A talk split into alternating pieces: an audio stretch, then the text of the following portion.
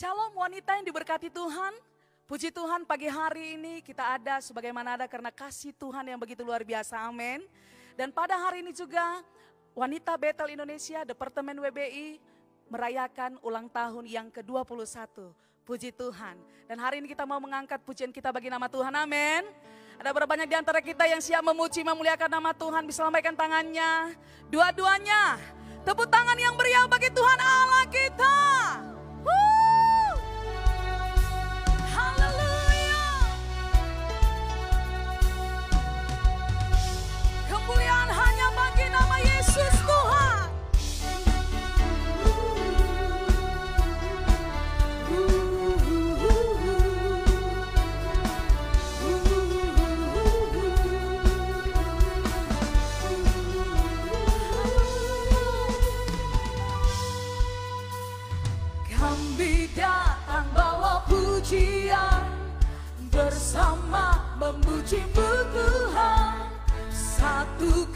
Suara dan nyanyikan. Sorak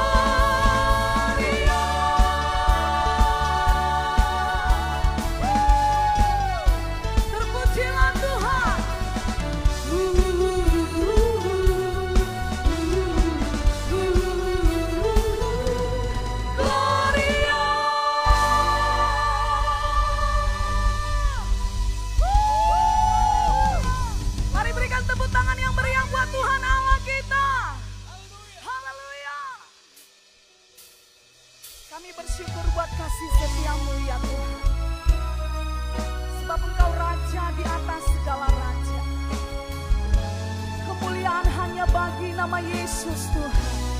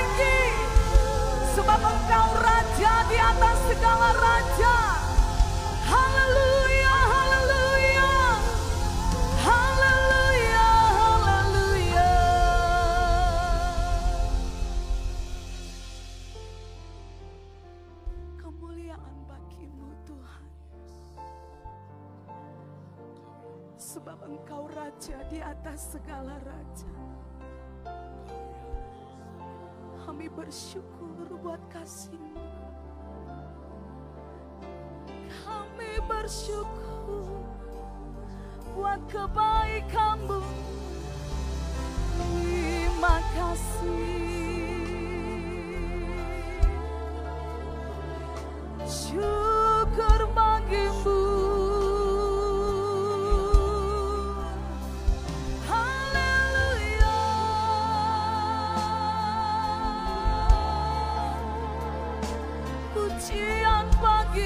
Bagi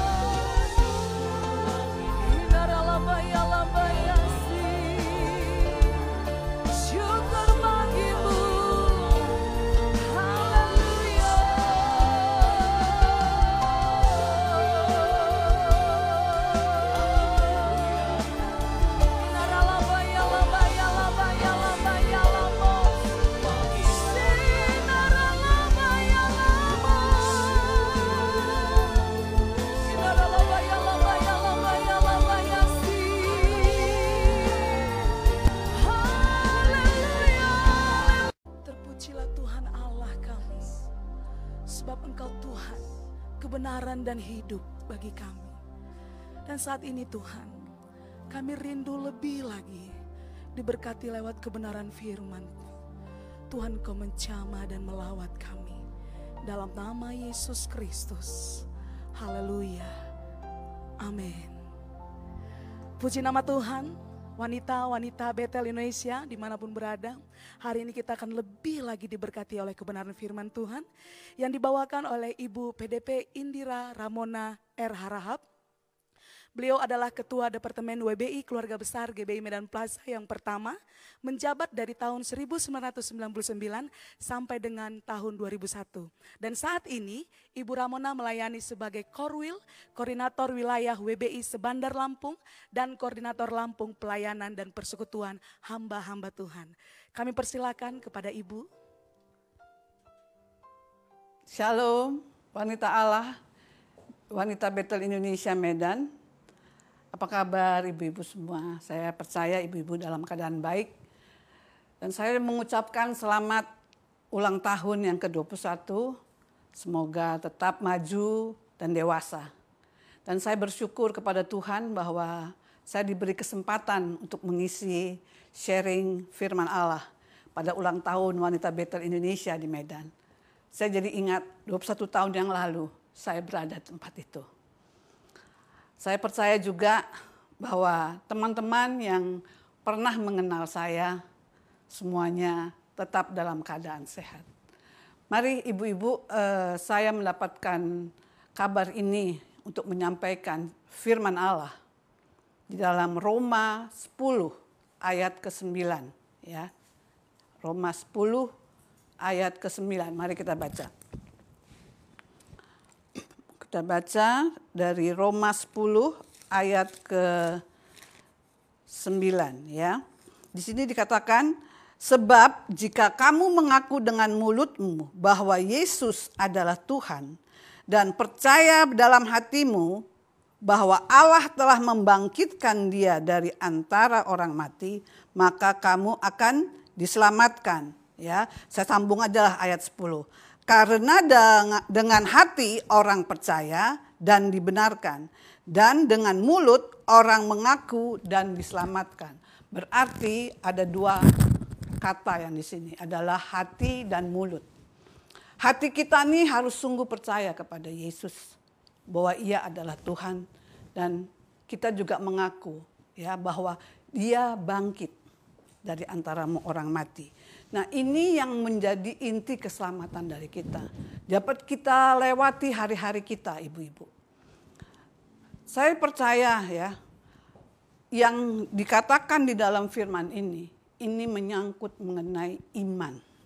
bagaimana kita mempunyai iman kepada Yesus dan kita mengisi iman itu. Wanita Allah, sebelum Anda mengenal Tuhan, Anda orang-orang berdosa semua. Orang-orang yang tidak mengenal. Tetapi saya percaya, orang yang melihat orang yang telah menerima Yesus dengan perilakunya yang sungguh-sungguh mencerminkan Kristus, kita bisa percaya. Amin. Kita lihat contoh adalah Ruth. Di dalam Rut 1 ayat 16, Rut itu tadinya disuruh pulang sama Naomi. Saya percaya ibu-ibu sudah baca cerita ini. Ya, tetapi tegasnya dari kalimat ini, mari kita baca Rut 1 ayat ke Rut 1 ayat ke-16 di mana dikatakan begini oleh Rut itu sendiri. Kalimatnya sangat-sangat luar biasa. Janganlah desak aku meninggalkan engkau dan pulang dengan tidak mengikuti engkau. Sebab ke mana engkau pergi, ke situ jugalah aku pergi. Dan di mana engkau bermalam, di situ jugalah aku bermalam. Bangsamulah bangsaku dan Allahmulah Allahku. Wanita Allah yang terkasih, kalimat ini dikeluarkan, diberikan oleh Ruth saat Naomi mertuanya meminta supaya Ruth pulang aja deh karena suamimu sudah meninggal. Ya. Nah, saya percaya kita waktu bilang gini dalam hati kita, aku percaya Yesus itu Tuhan. Sama dengan Ruth. Sehingga dia kekeh mau ikut Naomi. Terus mau ikut Naomi. Pasti ibu-ibu dia bilang begini, kok Orpa enggak? Oh iya, respon. Itu tergantung respon kita akan bicarakan mengenai respon daripada Naomi. Demikian juga untuk ibu-ibu semua, wanita Allah dan saya. Respon kita harus benar dalam mendengarkan firman Tuhan, dalam dalam melihat situasi yang diperlihatkan oleh orang-orang Kristen yang sungguh-sungguh taat kepada Tuhan. Itu beda. Ada memang orang bilang, ah Kristen duniawi itu urusan dia. Tetapi saya mengajak wanita Allah, kita tidak usah lihat orang yang lain-lain. Tapi mari kita teliti hati kita. Hari-hari ini, sungguh kita sedang dilihat. Sungguhkah komitmenmu? Percaya kepada Yesus adalah Tuhan. Kalau kita bilang Yesus adalah Tuhan, kita sudah punya iman ya. Itu berarti dia yang berkuasa dia yang mempunyai otoritas dan wibawa atas kehidupan kita. Kita tidak ada lagi. Karena dia adalah Tuhan. Waktu kita bilang Yesus adalah Tuhan, beda dengan waktu di kitab ini, di kitab Roma. Ini waktu di Roma zaman itu berat karena kaisar di situlah yang menjadi Tuhannya. Nah saat ini, saat ada tekanan, tekanan kita mungkin tidak tidak seperti orang waktu zaman ini. Mungkin tekanan kita karena masalah-masalah kita saat-saat ini. Ya kan? Banyak persoalan. Banyak, apalagi waktu-waktu ini sangat banyak. Dan saya melihat bahwa Tuhan sedang melihat bagaimana komitmen kamu. Bagaimana komitmen saya terhadap percaya kita kepada Yesus sebagai Tuhan. Hidup itu harus sungguh-sungguh. Jujur, karena semua harus dari hati. Tidak bisa kita bilang kita Kristen terus pakai kayu sal, pakai kalung salib apa semua rajin ibadah, tetapi hati kita tidak sungguh-sungguh dalam memuji Tuhan. Dengar baik wanita Allah. Ya.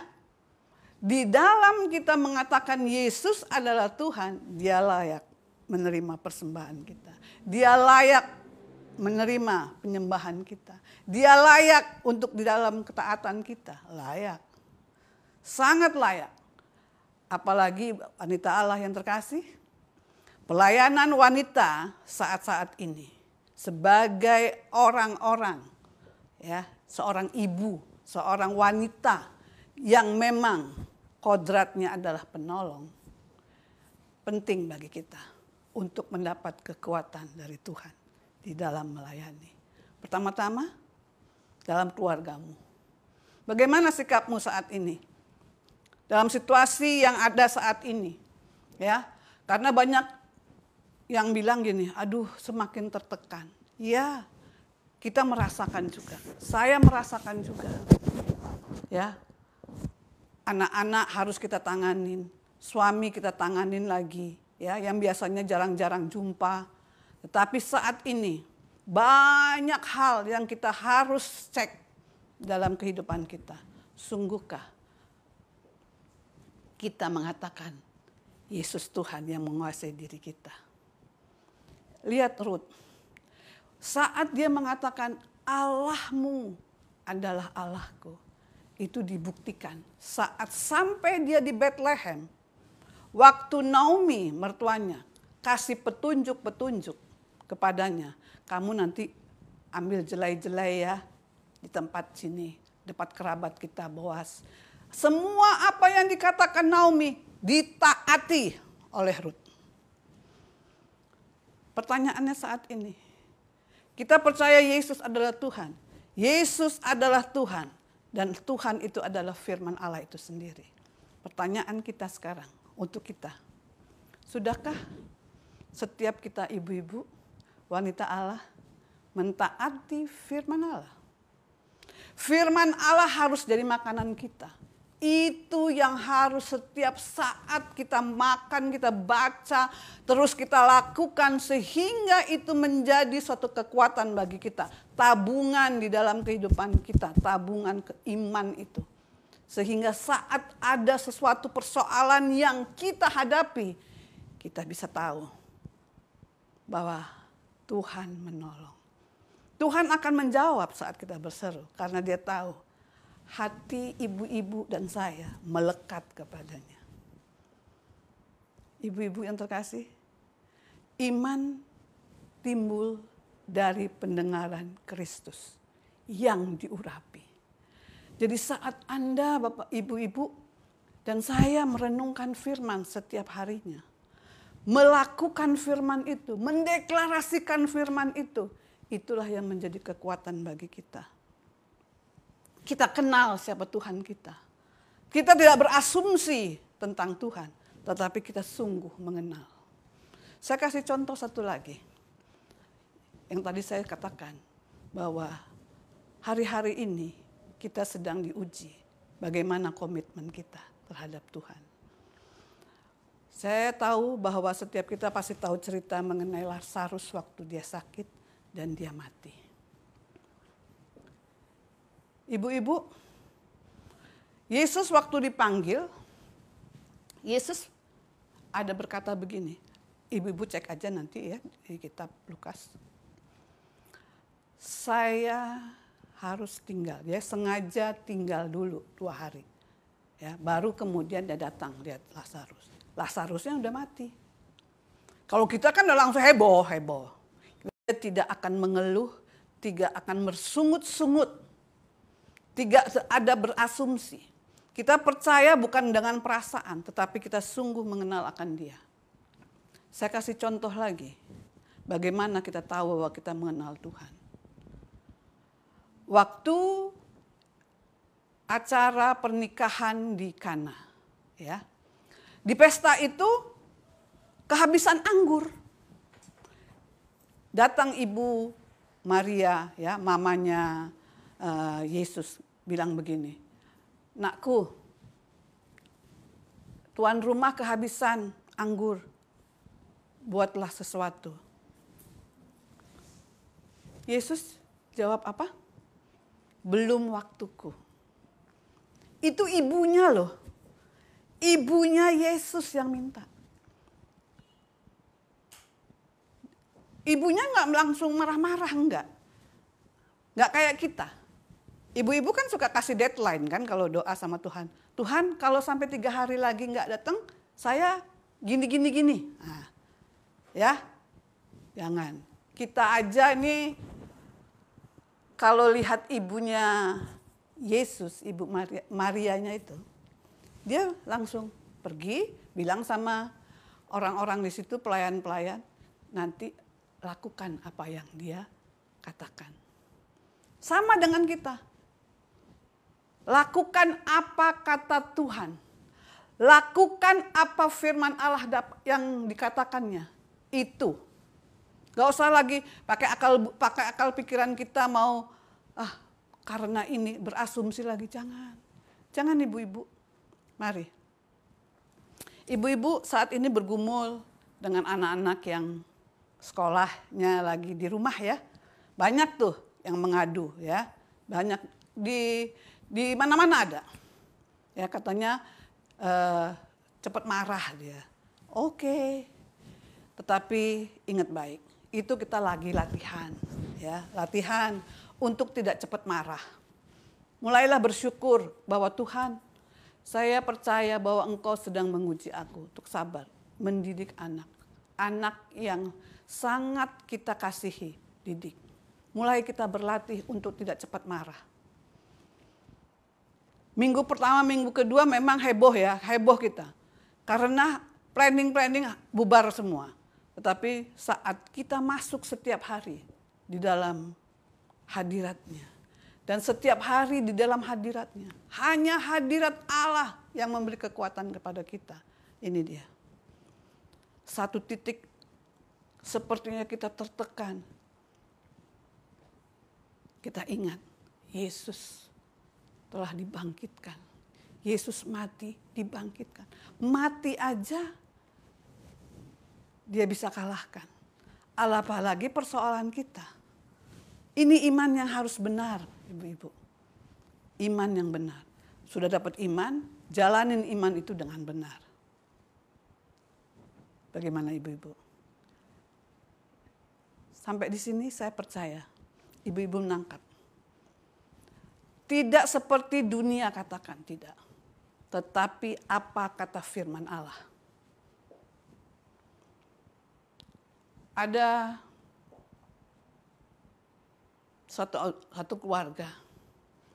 Ya, memang di hari-hari ini banyak hal yang kadang-kadang saya tidak bisa lagi mau bilang apa. Saya hanya bilang saya berdoa untuk keluarga ibu. Apalagi yang kena COVID. Ada yang di PHK sampai sekian bulan belum terima pekerjaan. Yang dia bilang gini, Bu, Hari-hari itu rupiah, Bu. Bagaimana? Inilah yang dinamakan tetap percaya kepada Tuhan dipentingkan. Perlu. Pelayanan kita belum seberapa. Kalau kita baca Paulus ini yang menulis kitab Roma, pelayanannya heboh sekali ya, mengerikan. Dia bilang berkali-kali saya kandas, saya ini, saya itu. Waduh, tapi dia tetap percaya. Tidak ada keluhan keluar dari mulut Paulus. Mantap. Karena dia apa? Dia punya pegangan. Tentang apa yang dia alami. Bagiku hidup untuk Kristus. Mati adalah keuntungan. Itu. Saya percaya ibu-ibu. Semua setiap kita ada pergumulannya. Tetapi istilah iman itu dengan benar. Iman itu harus dilakukan. Kebenaran itu harus dilakukan. Beda dengan dunia? Iya, beda. Beda banget. Kalau kita lihat, Paulus pun me, me, apa namanya, menegur orang-orang di Galatia. Siapa yang mempesona kamu? Duniakah? Serem ya? Ya. Kita nih ibu-ibu, mari. Secara lahir, lahiriah, memang kita harus menonjolkan sebagaimana kita pengikut Kristus. Ya, rapi, beres, tapi hati juga harus beres.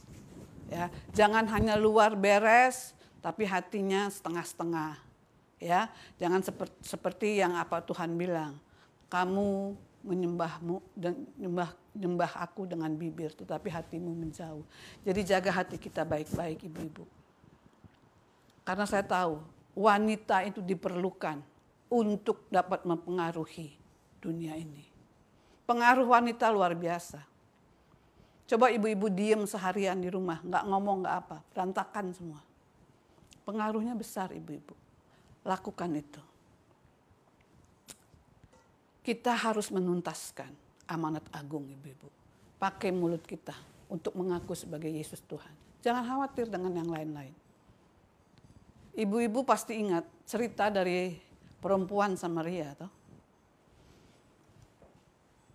Kok bisa satu kampung itu bertobat? Karena dia memberitakan Yesus. Dia berjumpa dengan Yesus. Ibu-ibu dan saya pasti berjumpa dengan Yesus. Mari, saksikan. Saksikan itu kepada dunia. Indonesia, Medan, Lampung, perlu Tuhan. Semua perlu Tuhan. Itu keluar dari mulut kita, dari gaya hidup kita Firman Allah harus jadi di gaya hidup kita. Natural. Gak ada lagi ngejaim, gak ada ibu-ibu. Saya harapkan WBI Medan, di mana saya dilahirkan juga di sana. Mari kita bergandeng tangan untuk memenangkan Indonesia. Siap ibu-ibu? Saya percaya ibu-ibu menerima hal ini. 21 tahun, memasuki 22 tahun. Bukan yang masih anak-anak loh, tapi sudah mulai dewasa. Dewasa ibu-ibu. Mari kita lihat sekeliling kita. Di mana kita perlu untuk mengulurkan tangan dari hati kita yang sungguh mau melayani sebagaimana Yesus melayani. Ibu-ibu lihat ya, tadi saya kan kasih contoh Ruth, pagi-pagi dia udah pergi.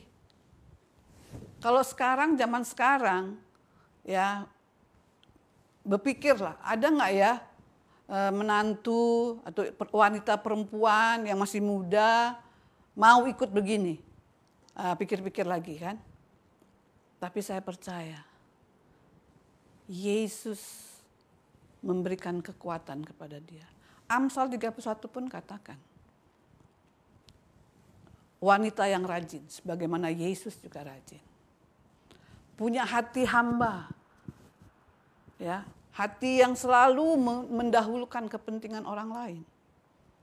Nah itu dia, iman yang benar. Kita melayani WBI dengan gaya dan turut teladan daripada Yesus Kristus itu sendiri. Nah, wanita Allah yang terkasih dalam nama Yesus,